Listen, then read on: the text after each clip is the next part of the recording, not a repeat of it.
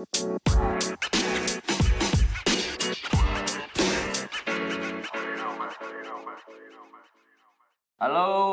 para pendengar-pendengar kami ya. Kita balik lagi nih di episode kesekian. Iya, iya, entah Again, kenapa kita kita nggak tahu kita nggak tahu kapan kapan aslinya ya. Maksudnya kapan akan diuploadnya kita nggak tahu. Tapi ini Heeh. episode kesekian dari The Journal of Criminology Criminology Indonesia, Indonesia. podcast. Oke kali ini kita mau bahas apa sih ini kali Sin?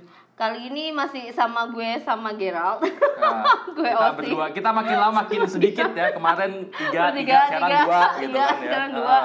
Iya, sekarang sih bahasan kita tentang ini gun count, gun count, gun control. gun control ya susah banget. gun control gun control itu kalau kalian nggak ngerti apa itu gun control itu jadi adalah kontrol atas senjata Pembatasan ya. pembatasan senjata senjata api. api karena Hmm. kenapa sih kita bahas ini ya gitu karena beberapa kali kita sering ini ya mungkin kalian yang sering mengikuti berita-berita internasional atau ngeliat mungkin CNN atau apa gitu itu banyak ya ini ya banyak berita-berita soal Penembakan. penembakan ya sebenarnya Iya. mass shooting sih sebenarnya lebih ke mass shooting sih ya, ya Sin sebenarnya mass Iya. shooting penembakan yang meng-trigger ya tapi kita akan ngebahas gun control karena kita nggak cuma ngebahas mass shooting aja Iya, gitu karena kita nggak ngebahas per kejadian kita ngebahasnya fenomena jadi secara keseluruhan gitu Cuman mungkin yang paling kemarin paling sempet diingat itu gue yang penembakan ska- di New Zealand juga Hmm. New tuh yang Zealand. di apa di masjid, Oh, yang di masjid Iya, itu ya, itu satu. Christchurch, ya, Sama yang Christchurch. terakhir di apa festival bawang putih, Garlic Ah, Fest yang di Amerika tuh. ada banyak di Amerika itu nih ada catatan gue ya beberapa yang paling parah itu adalah salah satunya tuh yang paling terkenal di 2012 14 Desember tuh di Sandy Hook. Sandy Hook itu nama sekolah dasar. Di itu di Connecticut di Amerika itu 27 orang meninggal di situ. Ih. dan 20-nya adalah anak berusia 6 sampai 7 ya kan? Dan itu satu yang paling menyedihkan sih itu yang paling ini. Tragis satu lagi adalah yang paling parah nih kalau nggak salah ya. Ini di Virginia Tech. Ini di sebuah kampus itu tahun 2007 itu ada seseorang yang nembak sampai 32 orang. 32 orang. Terus ada lagi Terakhir yang paling dek yang paling terakhir Terakhir. yang paling besar ya kalau seingat kita ya di El Paso ya yang terakhir itu. Yang hari itu itu El Paso? di Texas itu 22 orang ditembak di Walmart. Walmart tuh kayak apa ya? Kayak semacam department store gitu ya Oh, gue ya. udah mau gue udah mau bilang merek lo ini.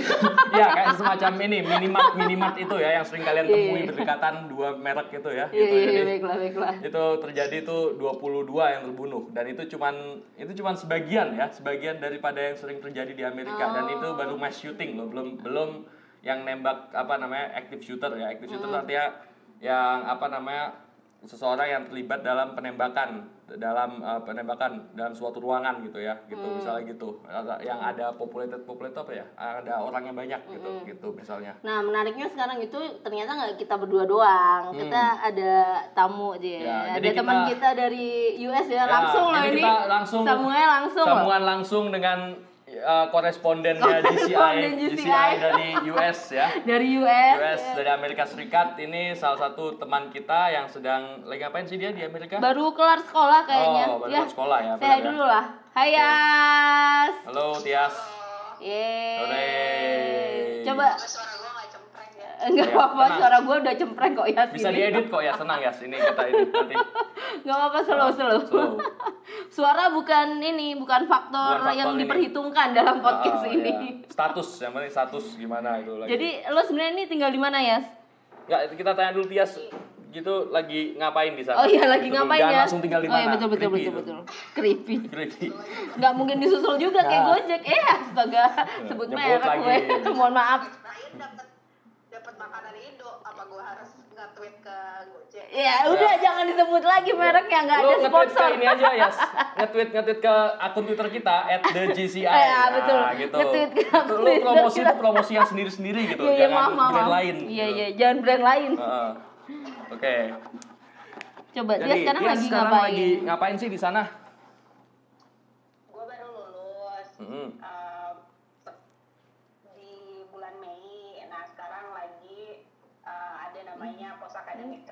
Hmm. jadi kerja setelah lulus Hmm. sebelum pulang ke Indonesia Oke. Tias ini sebenarnya satunya kriminologi UI, jadi teman kita. Cuman S2-nya ambil apa ya?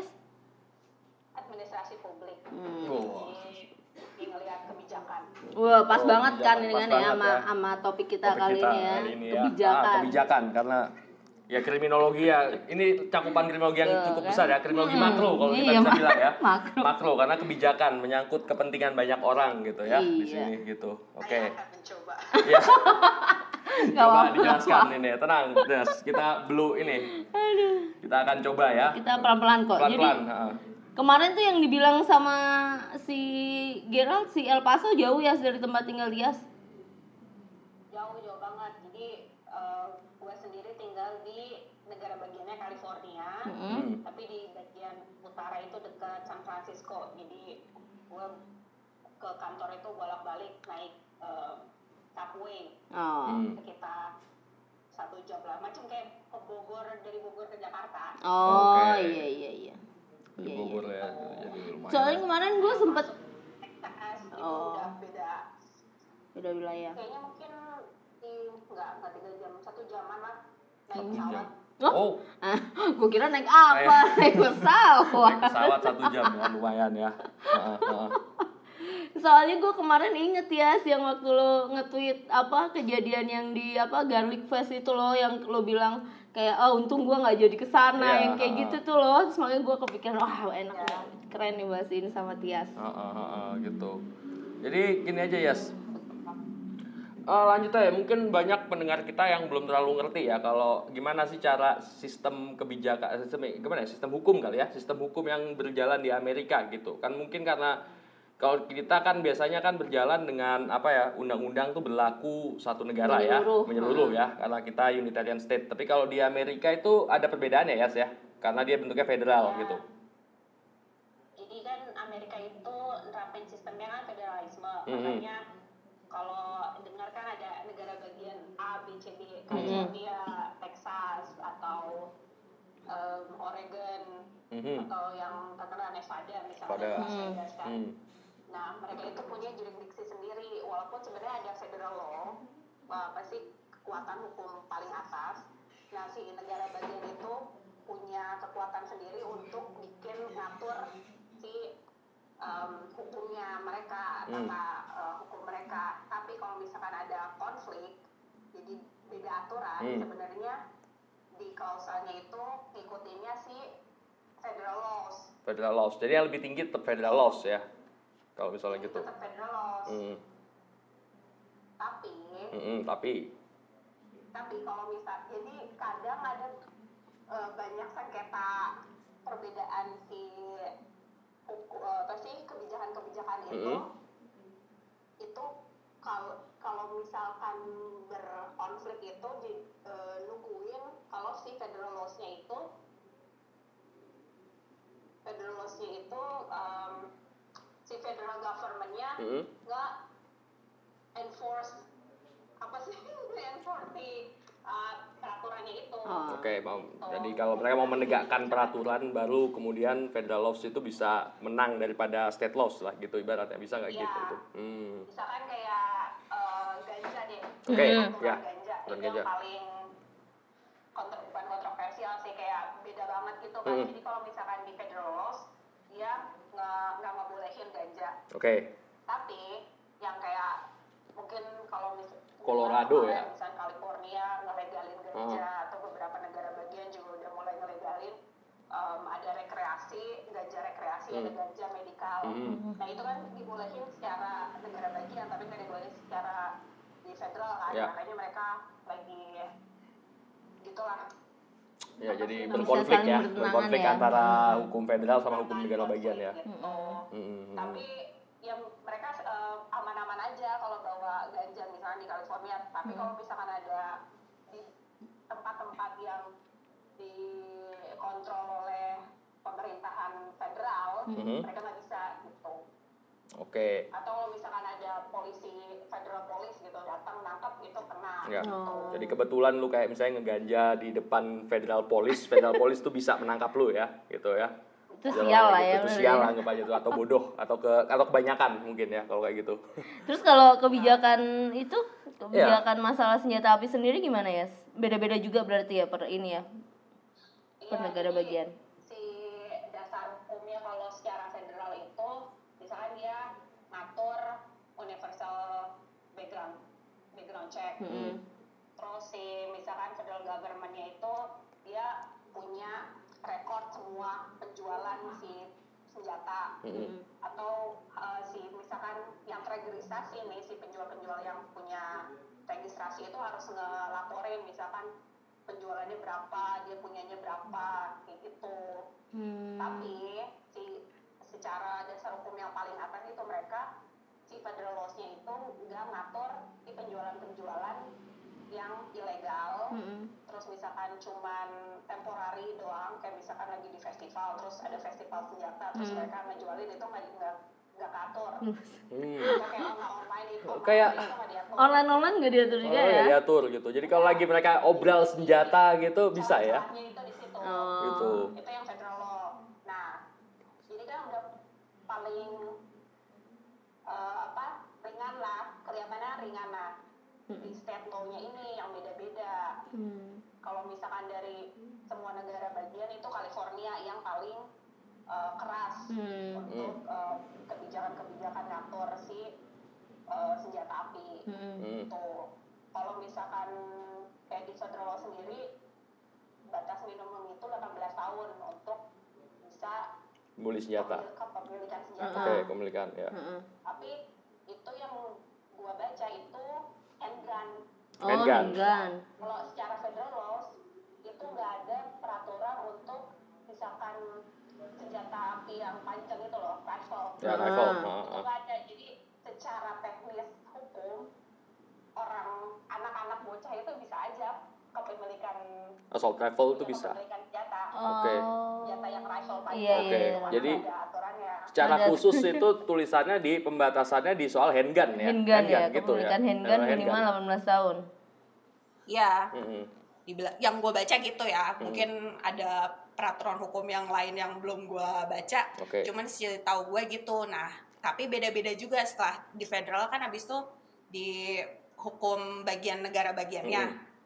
Nah, kalau misalkan yang em, secara umum itu beda-beda juga kepemilik apa sih batas minimum em, yang boleh milikin senjata Mm-mm. gitu kayak misalkan kalau di California itu 18 Mm-mm. atau bisa beda juga di negara bagian lain bisa juga ada yang mungkin 21 kayak Hmm, gitu. hmm.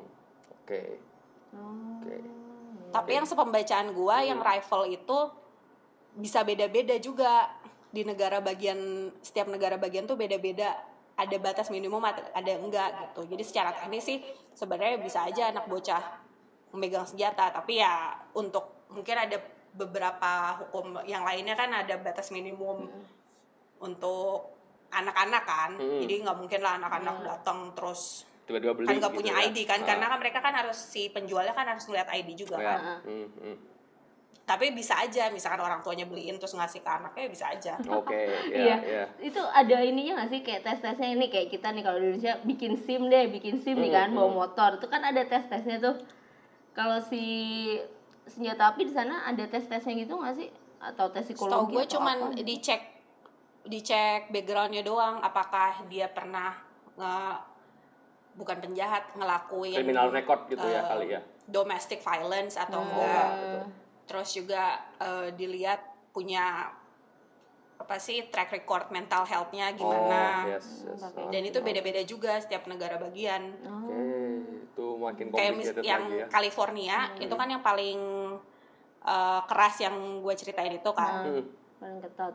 itu dia ngelihat juga mental health-nya Hmm. terus buat eh, beberapa kejahatan yang udah dilakuin nggak bisa nggak bisa buat bikin dia beli senjata Hmm. gitu Jadi gitu ya. Jadi kalau satu yang gue sering lihat ya, saya kalau California itu kan terkenal dia itu ini ya demokratik ya, lebih banyak majority voternya itu demokratik ya. Dan kemudian dan dari beberapa yang gue lihat sih beberapa orang itu yang eh, paling pro sama gun right ya. Jadi eh, hak untuk kepemilikan senjata itu banyak kan adalah Republikan, banyak kan Republikan ya. Nah itu ngaruh Iya. juga nggak sih ya kena di apa namanya dari orang-orang di California sendiri makanya lebih lebih strict ke senjata karena backgroundnya mereka banyak lebih vote ke Demokrat gitu ketimbang Republikan. mungkin bisa dihubungin gitu juga ya jadi kalau yang belum tahu, Hmm. jadi di konstitusi Amerika itu ada beberapa amandemen untuk ke nge- nge- nyandang si konstitusi itu. Ya. Nah, yang amandemen pertama itu kan free speech. Yes. Jadi makanya orang lihat orang Amerika semua pada bisa menyampaikan pendapat Hmm. tanpa ada ketakutan untuk ditangkap Oke. atau makar. Hmm. Makanya Nggak mereka bisa di ngajuin ya. eh, Awas, apa, awas, awas. opini Awas, terus eh, ob- apa sih ngeritik pemerintahnya, ngeritik Ya. presidennya Hmm. langsung. Em, abis itu ada di eh, Second amandemen kedua itu dia tentang em, untuk hak kepemilikan senjata, Hmm. Makanya sering right to disebut-sebut bear itu ya. arms. Right, second amendment Nah, itu ada- selalu sering disebut-sebut tuh. Ya ada pro kontranya. Hmm. Nah yang kontranya itu yang banyak di eh, yang pro-nya gun rights itu banyak di eh, dukung sama kebanyakannya Republikan Hmm. karena juga semakin rumit ya Amerika itu karena ada si NRA National Rifle Association, Association. jadi dia adalah grup lobbyis Ah, iya. Hmm. jadi mereka yang ngelobi mereka jadi si industri-industri senjata ini Ah. ngasih duit nih ke si lobbying ini. Ah, nah, mereka yang ngelobiin sih misalkan politisi-politisi lah untuk lebih santai ngasih apa bikin kebijakannya atau nge ngelindungin kepentingan-kepentingan si pebisnis ini yang punya ke apa senjata-senjata yang bikin senjata. Itu terus tadi pertanyaannya apa sih? Ya tadi. Nggak apa-apa Oh, kita uh, mengalir aja kok gitu. Pertanyaan tuh juga Iya. penting, men-trigger aja. Nah, Terus iya jadi yang, yang si kontra. Mm. karena yang dilihat kan si yang pro gun rights itu kebanyakan memang didukungnya oleh Republikan Hmm. Mm-mm.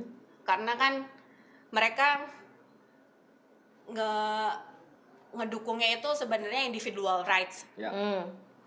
Jadi em, sementara yang Demokrat itu kan dia lebih eh, ngedukungnya ada intervensi pemerintah kan. Sementara Hmm. kalau misalkan yang Republikan kan dia ngedukungnya gimana hak individu sendiri kan. Jadi nggak ada intervensi pemerintah atau intervensi orang-orang lain gitu.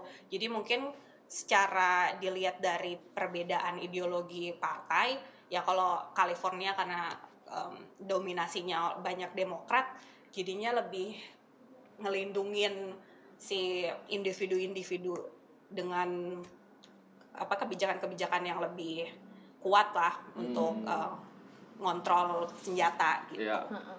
Iya sih, gue baca nih ya, Yas, ya di hasil risetnya si Gallup.com itu 2017 tuh ada 42% sih rumah tangga di Amerika yang punya senjata api.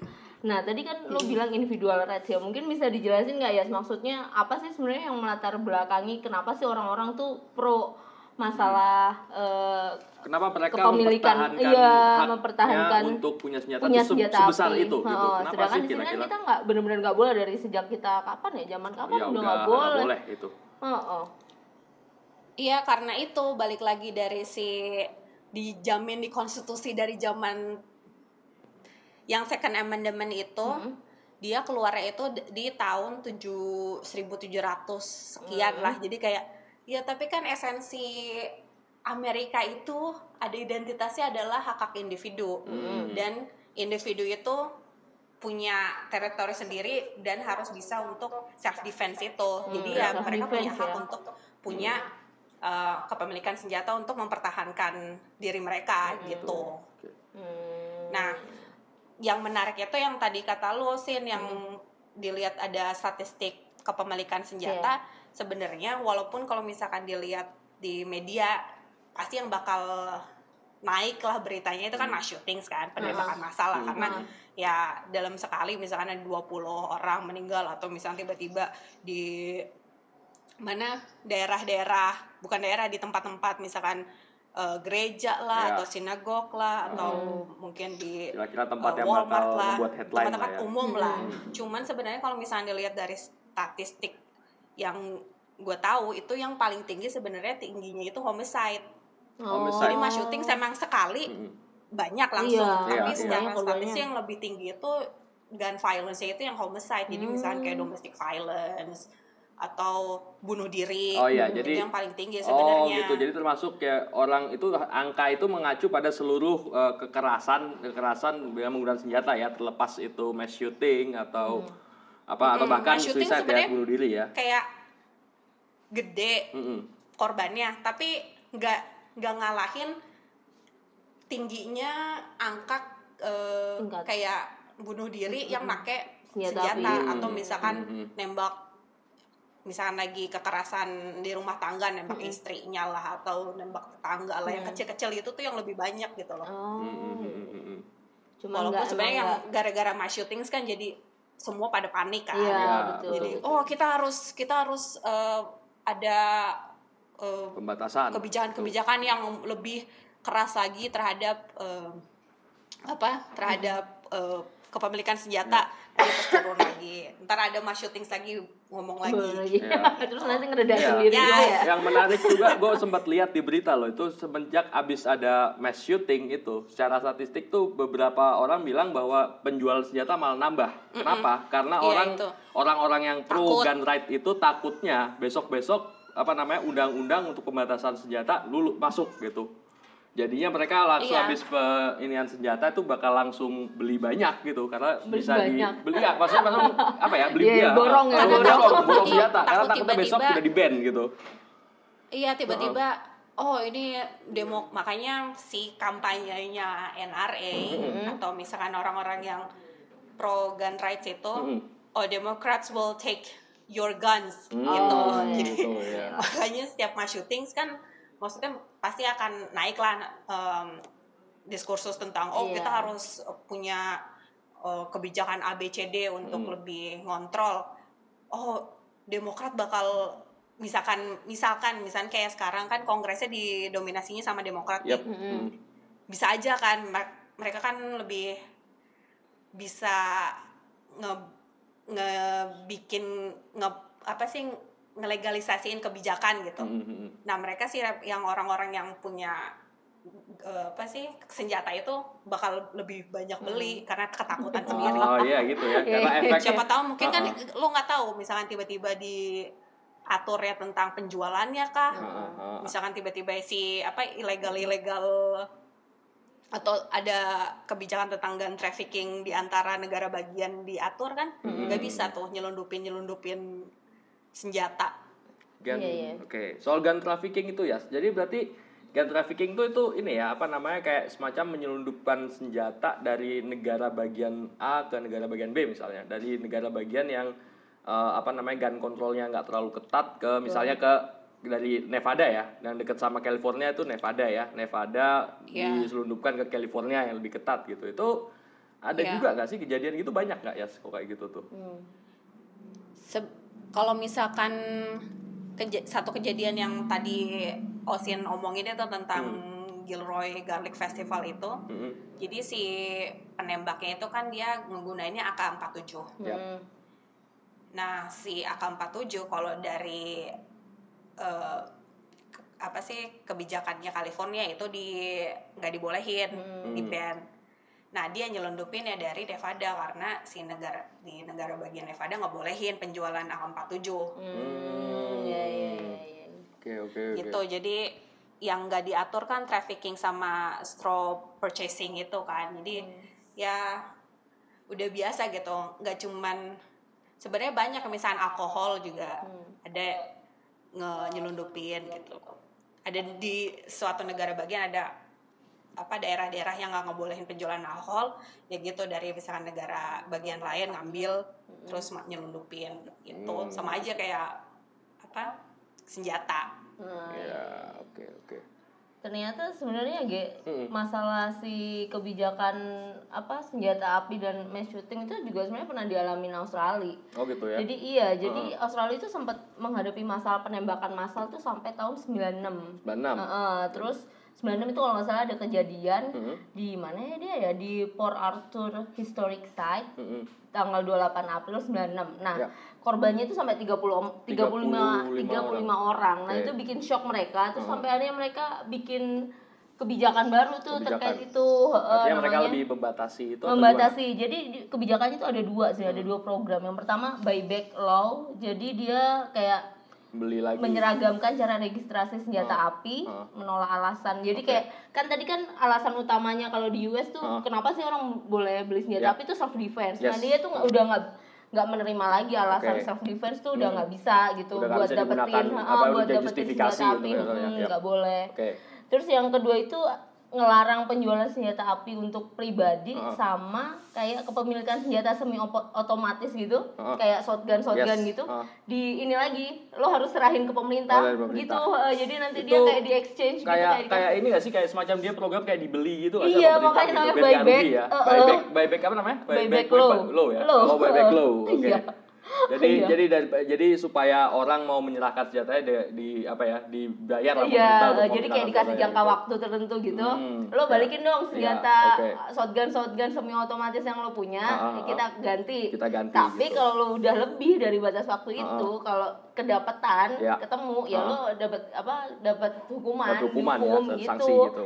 Iya, Oke. dan itu ternyata ngefek ternyata di Australia. itu ya di Amerika sendiri tuh kayak banyak ini ya banyak gagasan kalau yang sering gue lihat di Wacana. wacana banyak banget tuh gagasan karena Iya, wajah. setiap karena banyak ya bukan gimana ya bukan ngetawain kita tapi emang di Amerika itu kan banyak banget gitu kayak ada lawakan bahwa kalau di luar negeri itu namanya shooting range kalau di Amerika itu namanya school karena sering kejadian Iya, gitu kan bener-bener. Nah, saking begitunya tapi setiap ada kejadian ada gagasan ada apa gitu itu gini ya mungkin yang gue mau tanya gini se segitunya ya orang Amerika nganggep apa eh, hak untuk memegang senjata sebagai identitas mereka sebagai Amerika, Amerika. gitu karena kan sekarang agak ini ya agak isunya sering banyak gitu terutama ya setelah Presiden Donald Trump Hmm. dengan segala ini ya segala retorika populisnya Intrik, skandal, dan skandal dan macam lain-lain ya. yang tiap hari itu bising sekali kalau kalian follow dia ya kalian bisa lihat betapa bisingnya dia itu dan karena karena itu kan apa ya divide-nya uh, ke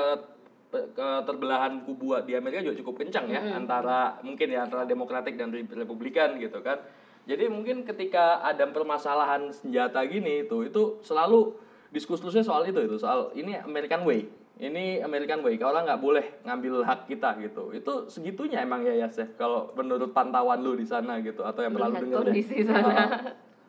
Segitunya sih Oh. kayak datang dari negara Indonesia yang pemerintahnya kuat banget. Mm, bahkan ada pas itu kalau nggak salah ada kebijakan yang mau eh, apa sih? Lupa gue jadinya. Pokoknya yang nggak ngebolehin eh, ah, pokoknya si ada kebijakan yang intervensi hak hak pribadi kan Oke, Hmm. oke. bahkan sampai segitunya kan kalau di Indonesia Mm-mm. sampai pemerintah ngapain sih ngaturin rumah tangga kita gitu Iya, kan iya.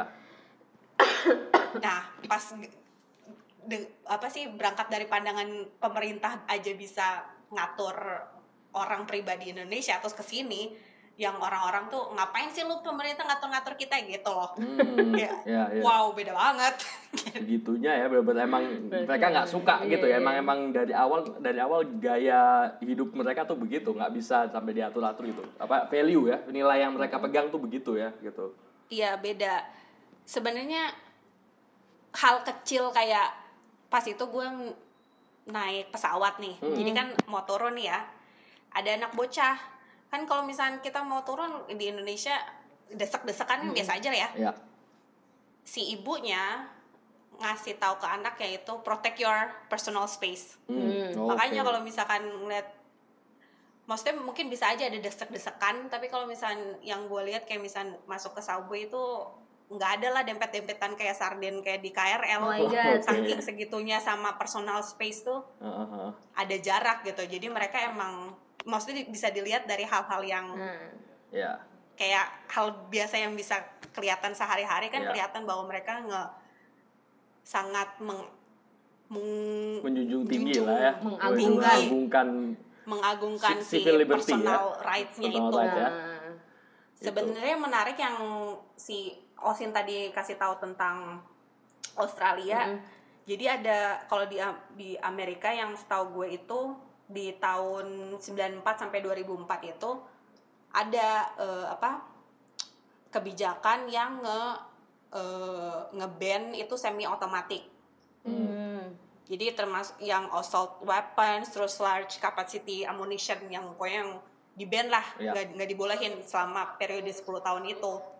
Nah tapi itu cuman ada eh, apa? Ada expired date ya gitu loh di 2004 dan si Kongres nggak bisa nge Nggak ngelanjutin meluluskan itu ya. si bandnya itu. Nah, yang gue baca juga dari beberapa eh, statistik nggak ada apa mungkin gue curiga apa sumber gue dari pro gun rights ya jadi iya. ada Oh terjadi juga di sana ya. Statistik itu ada yang objektif meragukan ya. Kalau tidak objektif. Ternyata kejadian juga di sana ternyata ya. Gitu. makanya pas gue mikir Heeh. sekarang jangan-jangan gue ngeliatnya dari pro gun rights Iya. katanya sih nggak ada nggak ada korelasi bahwa ada di band be- di beberapa di beberapa tipe senjata itu berkorelasi terhadap rendahnya misalkan tingkat uh, homicides-nya, atau mass shootingsnya Iya. atau mungkin bisa juga karena di bandnya kan yang semi otomatik kan orang masih Iya. bisa ngegunain senjata yang lain Iya. Iya. Benar. Ini berdasar kalau yang gue lihat sih di beberapa statistik juga memang apa namanya yang lebih banyak eh, kejadian gun violence itu handgun sebetulnya. Hmm. Jadi karena ketika makanya ketika ini mungkin ya orang Demokrat itu banyak yang bilang pengen gun ini kontrol mungkin counternya ya dari pro gun rights itu bilang ya udah kalau gitu ban aja handgun karena handgun yang sering kejadian gitu Eh, itu kan malah ini kalau mereka bilang katanya mau ngebatasin yang semi otomatis atau yang rifle itu bilang katanya malah jarang kejadian seperti itu malah jarang yang sering itu handgun gitu Iya. itu sih yang misalkan kayak yang diatur kan yang large capacity Hmm. yang apa sih yang gede-gede gitu kan Ya. senjatanya Hmm. nah sebenarnya tapi kalau dari eh, apa findingsnya itu temuan-temuannya Hmm. si orang yang mass shooting atau yang gunain itu misalkan mass shooting nih yes Hmm. yang dia nggak gunain tuh multiple amunisi apa sih yang buat si Magazine. yang magazine. Iya, ha. amunisinya itu Hmm. nah itu multiple ada banyak jadi nggak Oh, mereka nggak beli yang gede terus habis itu nembakin dedet, dedet, dedet, tapi kayak mereka ganti gitu. Oh, Tendensinya tuh lebih ke iya, itu, iya, jadi- iya, iya. Oh. Ngap, ngapain lu band senjata gede orang-orang makainya senjata kecil gitu. Iya, iya. ha. Itu ya.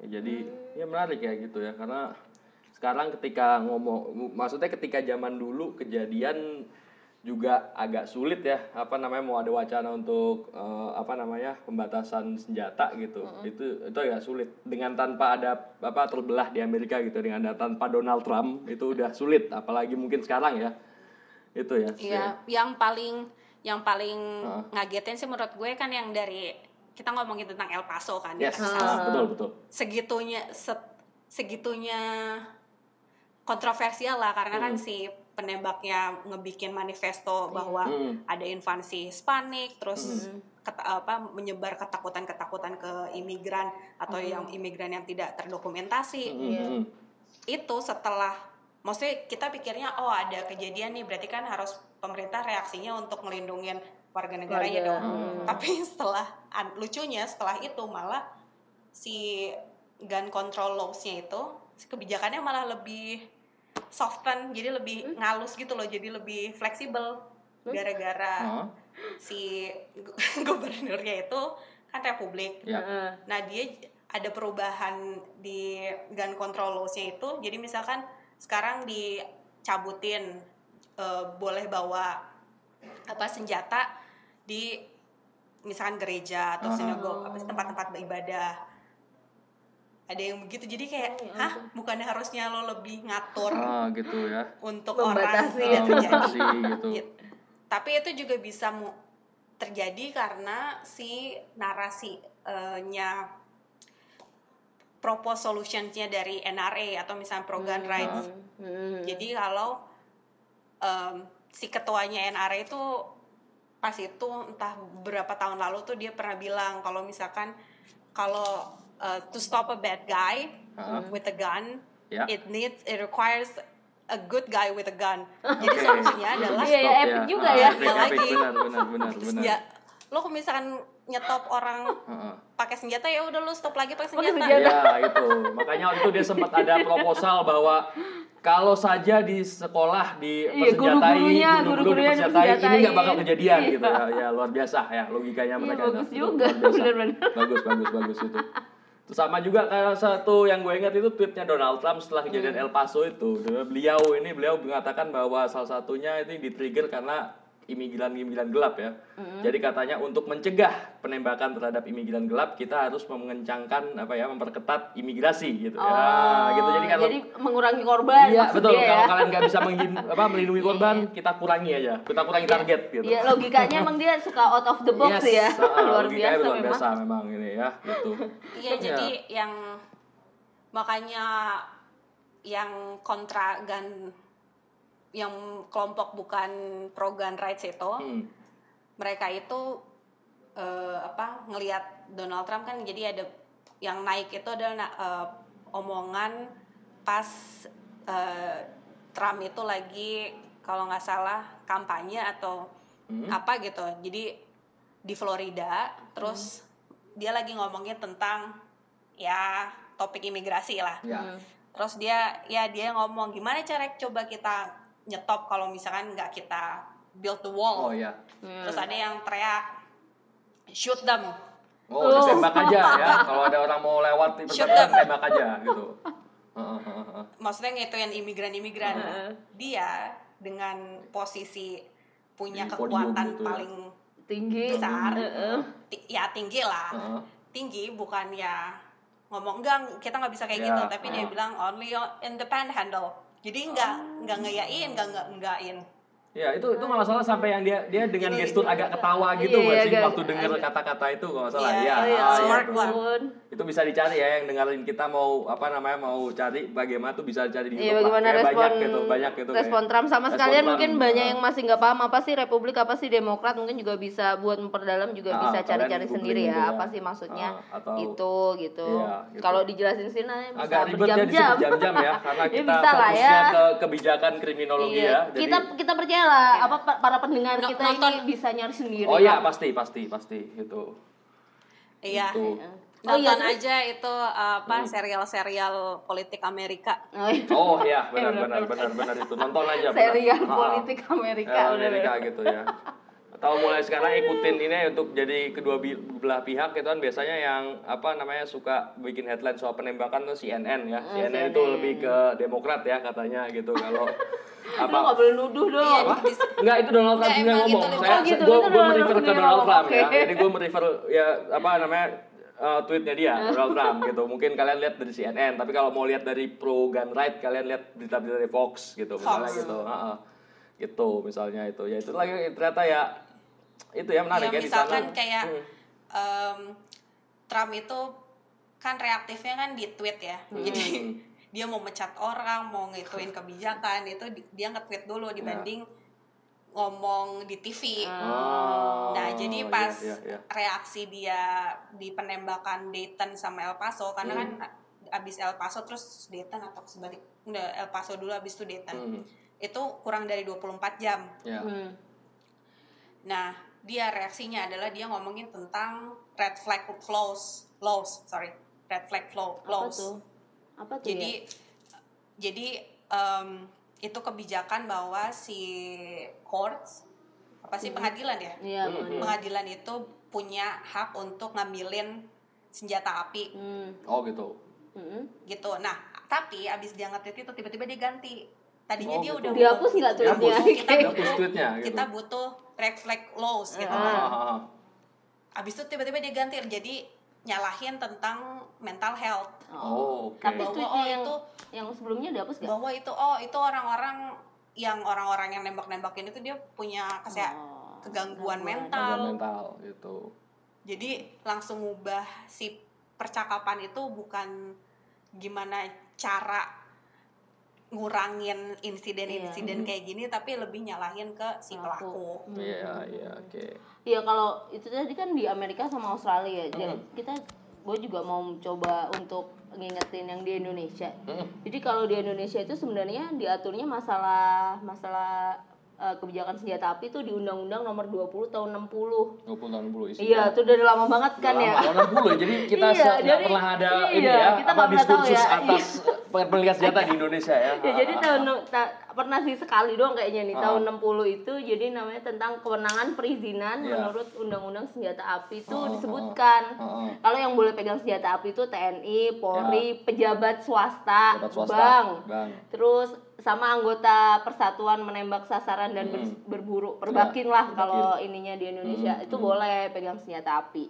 Tapi kemudian direvisi sama surat keputusan Kapolri nomor 82 tahun 2004 2004 oh juga tentang tetap lama buku juga. eh, udah lama juga Lama, ya kita ah, ah, buku ah. petunjuk pelaksanaan pengawasan dan pengendalian senjata api non organik TNI Polri.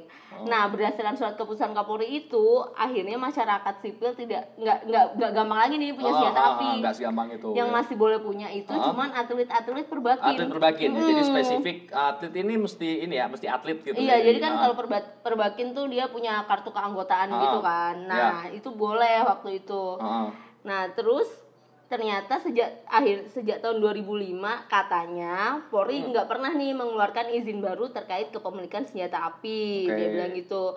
Namun memang beberapa kali ada yang melakukan perpanjangan perizinan. Tetap Nah, ada. perpanjangan perizinan itu setiap dua tahun sekali, Ge. Setiap Jadi sekali. sama sih kayaknya masalah psikologis juga. Jadi ada tes psikologisnya gitu, Ya, ya. sama dapat izin dari Heeh. eh, Kapolri. Jadi kayak gitu. Iya. Nah, sekarang lucunya yang perbakin itu kan boleh nih Hmm. punya senjata api, tapi ternyata sekarang nggak boleh dibawa pulang. Jadi kayak boleh dibawa pulang? Oh, gitu ya? Ah. Kayak ada safety box gitu kayaknya. Oh, gue juga nggak ngerti ya, iya, gue nggak iya. ikutan soalnya. Ah, ah. ya Jadi kayaknya kapan-kapan coba kita daftar Iya. bisa boleh nggak ya? Tapi kayaknya ya? mahal, Ah, Ge. Mahal ya. Iya. oke. Ah, gitu. Itunya aja berapa amunisinya kalau Iya mau sih, nembak? ah. Iya makanya. Nah itu kayaknya jadi sekarang tuh nggak boleh dibawa nggak boleh Iya. dibawa pulang. Nah memang senjata-senjata api yang beredar di Indonesia kan banyak tuh Ah. yang masih suka ada perampokan segala Iya. macam pakai senjata itu api. tapi juga senjata Ilegal. rakitan juga sih kebanyakan kan ya. rakitan Senjata dan rakitan, ilegal, ya. eh, Artinya nggak nggak di, diatur itu nggak ada nomor serinya. Nggak ada, nggak ada, Surat-suratnya ya.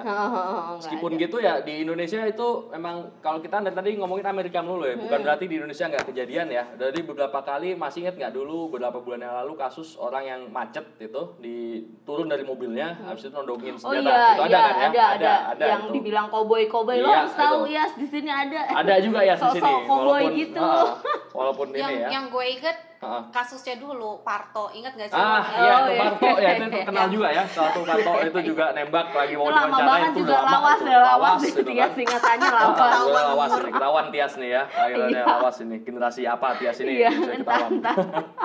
Jadi Sama- kalau di kita di parkiran ya kalau salah gara-gara ah. parkir apa? sama satu lagi tuh yang ter- yang agak me- ini apa agak terkenal tuh yang waktu ini nih waktu polisi menembak polisi lainnya. Oh iya, tapi Nah, kan polisi itu. boleh. Ya polisi boleh, cuman yang dipermasalahkan itu SOP pengambilan senjata. Karena polisi berarti kan nggak boleh, bukan berarti punya wewenang untuk bawa-bawa Iya. nenteng-nenteng ke mana-mana gitu Oh, kan maksudnya. sebenarnya kalau yang Ah. itu itu G sebenarnya ada beberapa unit-unit tertentu Ah. yang memang boleh Boleh kan, menenteng-nenteng. Iya, jadi tergantung tergantung ininya dia, unit-unitnya dia tuh di mana yang boleh bawa senjata api. Iya. Cuman yang gua agak curiga itu adalah masalah jadi sebenarnya SOP-nya tuh ada ada perpanjangan kayak ada tes untuk perpanjangan izin Hmm, memegang senjata itulah. Cuman gua nggak ngerti ya sekarang gimana prosedurnya. Cuman gua agak curiga tuh. Masa iya sih seluruh polisi Indonesia itu akan Ah, perpanjang itu tes dia. lagi Ah, setiap ah. dua tahun. Itu kan agak-agak sanksi ya Iya, kita ya. Tapi kita nggak ya. menyalahkan. Ah, Cuman ah. kita nggak tahu juga. Ya, mungkin kalau yang dengar eh, ada yang pendengar kita ada yang eh, lebih tahu tentang ini boleh loh apa Komen. diskusi komen. Boleh menyanggah ke mana kita.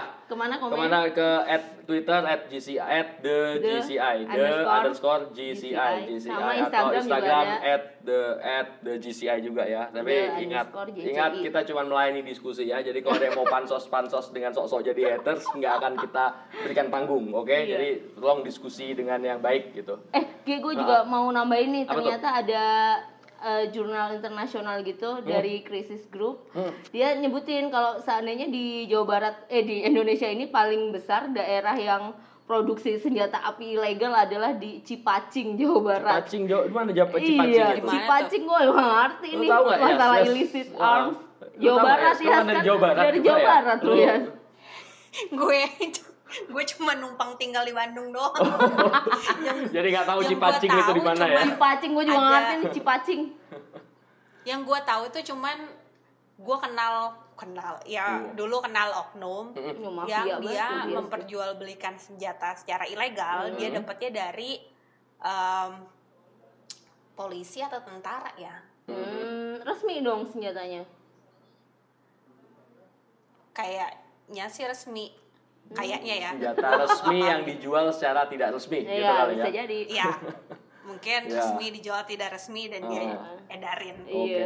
Nah ternyata dia juga nambahin nih si Oh. senjata ilegal yang diproduksi itu enggak. Jadi mereka sebenarnya pengrajin senjata angin, senapan angin. Senapan angin. eh, cuman akhirnya nakal kan. Hmm. Terus jadi dia bikin Oh senjata gitu api. ya, mau merambah eh, ekspansi iya, ke merambah industri ekspansi. lain ya dia. Iya, Gitu. tapi ada juga yang masuk itu sebenarnya kalau di Indonesia itu dari wilayah-wilayah konflik gitu, kayak di Oke. Poso.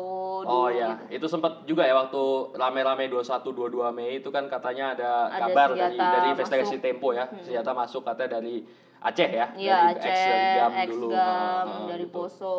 Iya. Iya sih.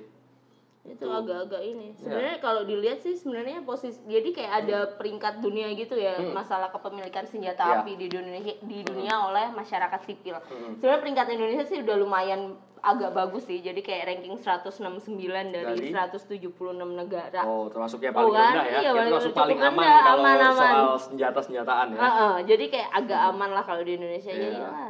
Sekarang aja ntar lagi ada aturan-aturan banyak ya apalagi senjata Apalagi yang senjata ya kan buat orang ya itu banyak. obvious ya gamblang banget ya orang pe- pemilikan pasti diatur kalau di Indonesia ya apalagi apalagi itu yang kata Tias bilang di Heeh. Indonesia aja jauh banget bedanya. masalah ntar lagi masalah apa tuh yang dihukum? Apa RKUHP, RKUHP ya, soal ini masalah ya, kumpul kebo ya. gelandangan iya masalah Nah, itu yang ada, ada dua hal kan masalah tuh itu udah gelandangan. menyebutkan satu kumpul kebo satu gelandangan iya tuh, mau yang dihukum. Itu mau dihukum. Tapi bisa ya. nanti kita bahas hal bisa dibahas di podcast iya. lainnya ya episode lainnya banyak ya. banget idenya Heeh. Tapi yang menarik itu sebenarnya kan jadi eh, kalau yang wacanya wacana di sini kan si yang ngedukung hak kepemilikan senjata kan mereka nyalahinnya eh, kesehatan mental sama video games kan. Hmm, hmm, hmm. oh, Terus maka- game makanya habis itu di di apa sih dilawannya kan lu lihat Jepang orang-orang pada main video games nggak ada tuh. Iya, apa sih? betul, betul, betul. penembakan massal atau Iya. tingginya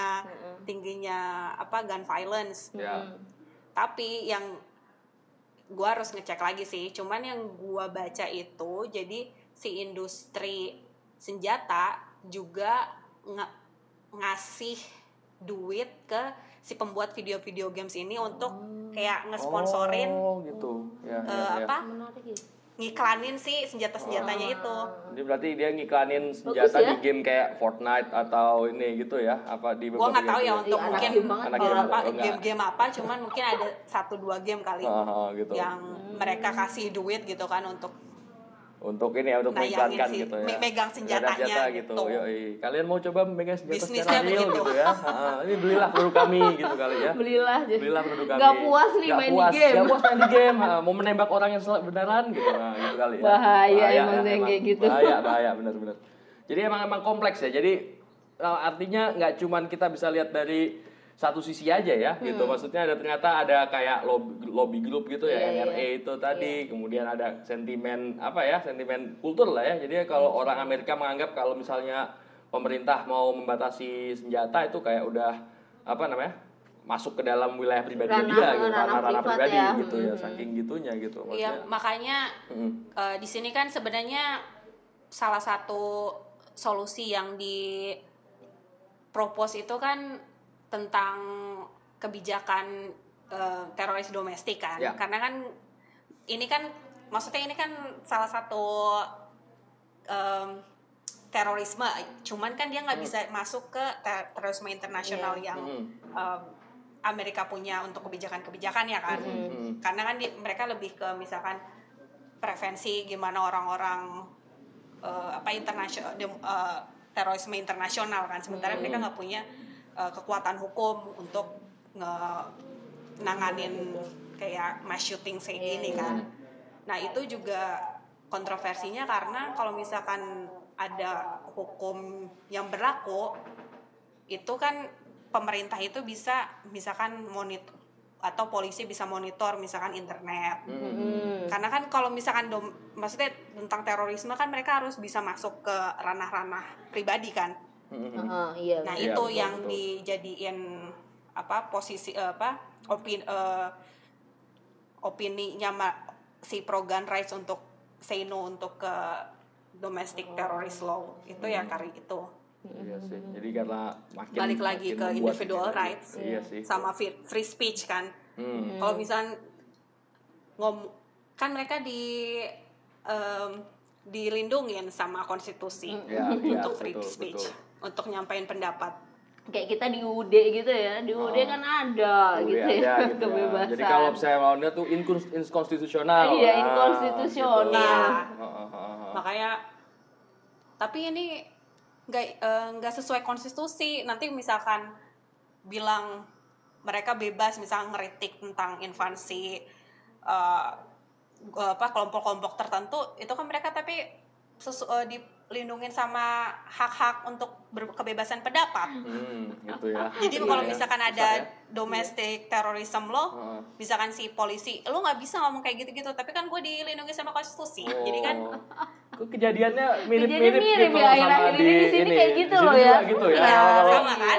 Head speech ada kebebasan bicara gitu ya. Iya. Heeh, sama berarti di sana mereka nggak boleh Nggak karena mereka boleh. takut kalau misalnya mengungkapkan unek-uneknya soal apa namanya soal suatu isu nanti ditangkap gitu ya. Takutnya gitu. Iya sih Iya, mereka Iya, kan misalkan di mereka mereka menolak lah undang-undang ITE di sini. Iya, Oh, iya, oke. menolak undang-undang Menolak ITE. ITE gitu ya. Kita di sini Kita di sini padahal nggak ada di konstitusi soal itu malah kita Iya. bikin UU ITE ya gitu. Hebat. ada, Nah, Ge, ya? yang kebebasan berkumpul, berserikat, Oh, iya. berpendapat. Ah, Ah, parah nih. bukan maksud bukan bukan maksud gua tuh gini maksud gua nggak ada kebebasan ini maksudnya nggak melawan konstitusi Oh, kalau iya. membatasi malah kita bikin UU-nya malah UU buat ITE. membatasi kumpul apa free speech gitu kan di itu itu Iya, tapi itu Oh, oh. juga kontroversi bisa satu sesi sendiri tuh Nah, bahas itu itu Ge. sendiri aja udah cukup jangan. lama Oh, ini di sini ya. Jadi Iya. mungkin terakhir aja kali ya, Yas. Ini nggak ada hubungannya lagi nggak sih apa eh, menurut pengalaman lu sendiri mungkin karena tadi kan kasusnya kena ke imigran ya. Lu kan salah satu eh, orang ya, ya apa imigran ya. Untuk sementara imigran di situ dan teman-teman lu di sana lu bergaul dengan banyak imigran juga nggak? Semacam gitu juga nggak? Campur sih. Campur ya? Temen gue imigran, ada orang Amerika, ada orang Amerika tapi eh, minoritas. Oke. Campur sih karena kan Campur. California kan lebih Oh, iya. lebih beragam Lebih beragam ya. Ada ada nggak sih komposisinya dibanding yang lain. upaya-upaya apa yang kalian bikin atau gimana atau gitu? setidaknya ada nggak apa namanya eh, efeknya terhadap kalian gimana sih mereka t- menyuarakan nggak para imigran Iya, ini iya. setelah beberapa kejadian terutama yang ya di El Paso itu ada nggak Sebagai respon ya pasti atas itu. makin makin kenceng lah maksudnya apa mereka nyampain keta- ketakutannya karena kan bisa eh, sebagai minoritas kan Mm. terus ada sentimen-sentimen non non imigran atau ada invasi invasi Hmm. atau ada apa imigran yang bakal nge replacing white people Ya, yes, Pasti- yes. Heeh. pasti diomong pasti pasti pada makanya makin vokal Iya. yang entah imigran atau misalkan orang-orang Amerika yang pro imigran jadi nggak semua kotak imigran terus kulit putih tapi banyak juga kulit putih yang jadi ally-nya oh, oh, apa hak-hak eh, imigran. Gitu ya. Gitu. Itu makin vokal untuk eh, harus ada strict gun control atau ada ban terhadap eh, beberapa hal di senjata kepemilikan senjata atau misalkan yang eh, hukum apa pencegahan teroris domestik itu Mm, mm, mm. sementara tapi kalau untuk yang pencegahan sendiri yang gue lihat itu jadi si NRA atau yang grup-grup yang mendukung si hak senjata itu mereka ngelobi gimana caranya si federal funding itu nggak ngebiayain riset-riset tentang um, gun violence nih. Hmm, oke iya, iya, Ya, iya, ya. Jadi susahnya gitu. Mm-mm. Nah, jadi mereka mainnya itu di si misalkan yang kontra sama apa sih eh, apa hak kepemilikan senjata, Mm-mm. mereka mainnya di state level. Ya, Jadi ya. banyak buk- nggak cuman funding sih, lebih ke kayak banyak program-program komunitas untuk nge eh, mencegah prevalensi gun violence-nya itu sendiri. Misalkan ada entah yang apa sih eh, kayak kumpul untuk skill apa sih untuk eh, bisa kerja lah yang skill-skill kayak gitu Mm, mm, mm, mm. atau banyak program lainnya misalkan ke pendidikan ad- ada misalkan entah yang residivis residivis Hmm. yang kayak gitu jadi lebih mainnya kalau pencegahan lebih mainnya ke komunitas Oke. lebih ke bawah Iya. itu banyak apa sih ada beda-beda lah program-programnya tapi Iya. untuk secara yang gue perhatiin secara federal ada ya. pencegahannya kurang lah Kurang ya. Kurang lah. Ah, ya, you know lah ya. Oke. BTW tahu kan kalau Donald Trump itu partainya apa ya? G G G. Enggak, maksudnya buat nunjukin ini, buat nunjukin bahwa enggak gini maksudnya mau gue mau menggali bahwa apa namanya kecenderungannya kan Donald Trump itu dari partai Republikan. Dan Republikan itu kan lebih dekat ke pendukung gun rights gitu. Jadi itu yang mau gue iya. tunjukin. Lu tuh ini lo selalu melihat, melihat gue ada tendensi-tendensi iya, yang soalnya itu, lo gitu. em- emosional banget gitu Apa ya? loh. Emosional lagi. gitu.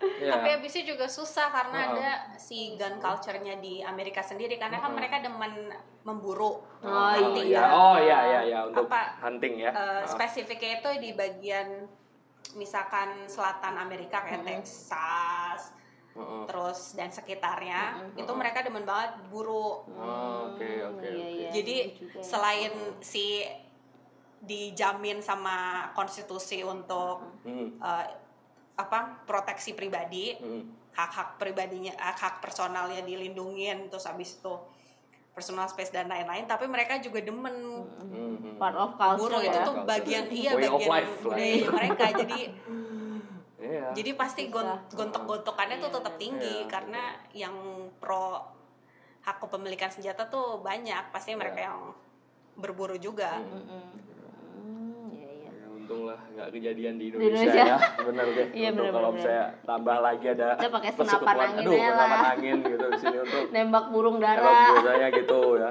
orang untuk masih buru-burunya masih tikus atau apa iya. gitu ya Oh iya Gi, sebenarnya ini loh. Oh. Terus kan kalau ada yang nanya sih ngapain sih ini kriminologi ngomongin ngomongin Hmm. oh ya masalah apa gun urusannya control kriminologi gitu, sama apa. gun Hmm. control ya coba Terus gitu kita juga mau ngasih tahu sih sebenarnya ada loh Hmm, teori kriminologi kemarin kan kita kayaknya kurang bahas teori gitu kan. Masa Kayak sih? kurang krim banget oh gitu. ada ada pendengar yang bilang gitu Nah, oke ya oke. mungkin tuh emang kritik membangun lah buat Oke, kita kan. betul, Siapa tahu betul. juga orang kan mau dengerin Oh, oh. podcast ini juga kayaknya mau tahu Oh, ini, teori sambil atau ngerjain apa. tugas gitu ya, Bisa jadi. kita ya, oke. Enak banget ya gitu Iya, juga ada. jelas dong, ide-ide ide-ide untuk esai buat kelas.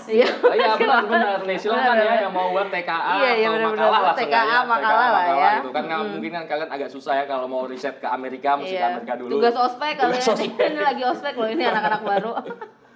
ya Iya jadi ya. itu sebenarnya kita ada tuh teori dari Cornish and Clark namanya rational choice theory. Jadi Oke. itu bisa di search tuh ra- Mm. rational cho- rason- rational to- choice theory Mm-mm. dari Cornish and Clark. Nah, Iya.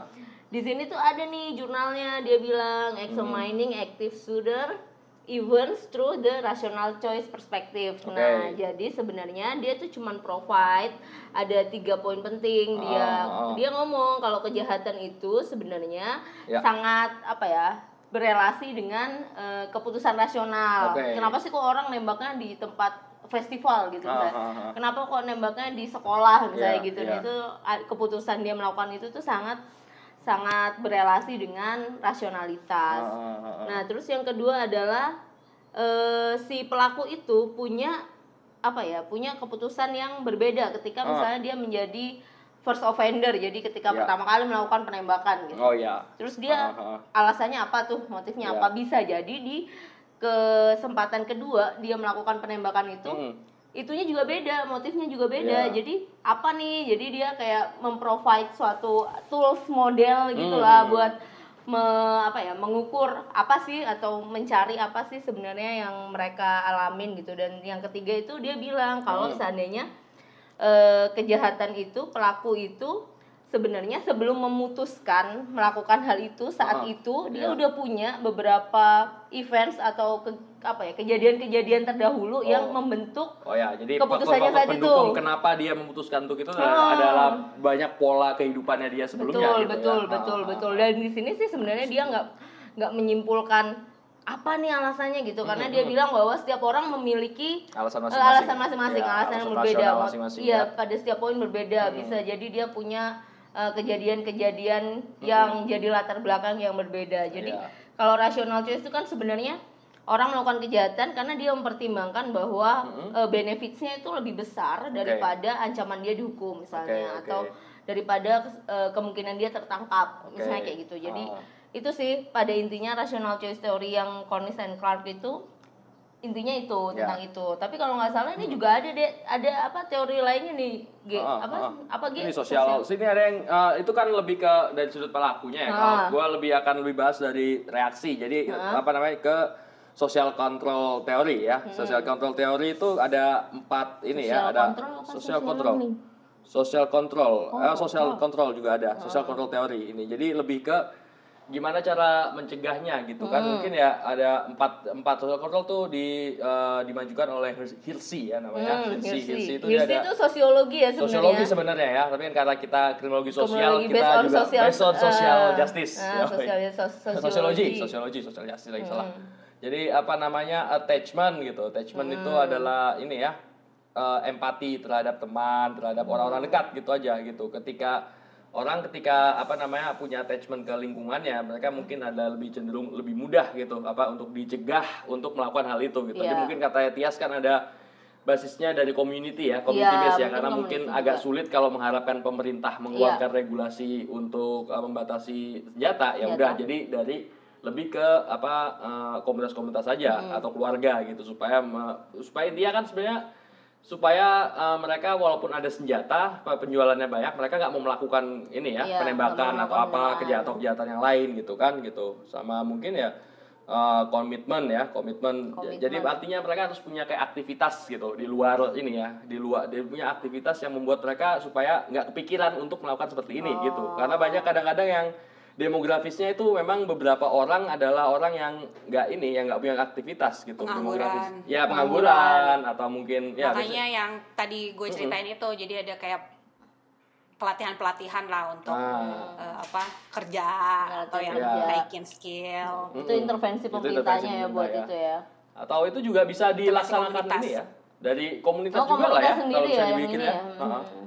Atau kalau kita bisa bicara Kayak dari banyak non profit juga banyak apa NGO NGO yang Hmm, itu gitu. kan lebih ke komunitas ya. Iya, Hmm, itu ah, lagi berarti emang nggak cuma pemerintah aja yang bisa melakukan itu ya kita kita lah ibaratnya kalau di Indonesia mungkin Iya. ya kejadian gitu juga Cuman gitu. berhubung di Indonesia nggak ada jadi ya, Ya udah, kita ya usah bikin lah. yang lain aja ya, bikin bikin Mikirin yang bikin ah, aja. bikin ini ini bisa diterapkan ke kegiatan lain kok Mungkin gitu untuk mencegah. mikirin episode kita yang sebelumnya yang FTF Apa tuh? pulang itu Oh, ya, itu FTF pulang itu bisa, itu kita gitu. bisa berkontribusi bisa kontribusi gitu. Lanjut, Sama lanjut. dua lagi paling ya, sudah tuh lagi satu lagi komitmen, komitmen namanya. Komitmen itu untuk apa namanya?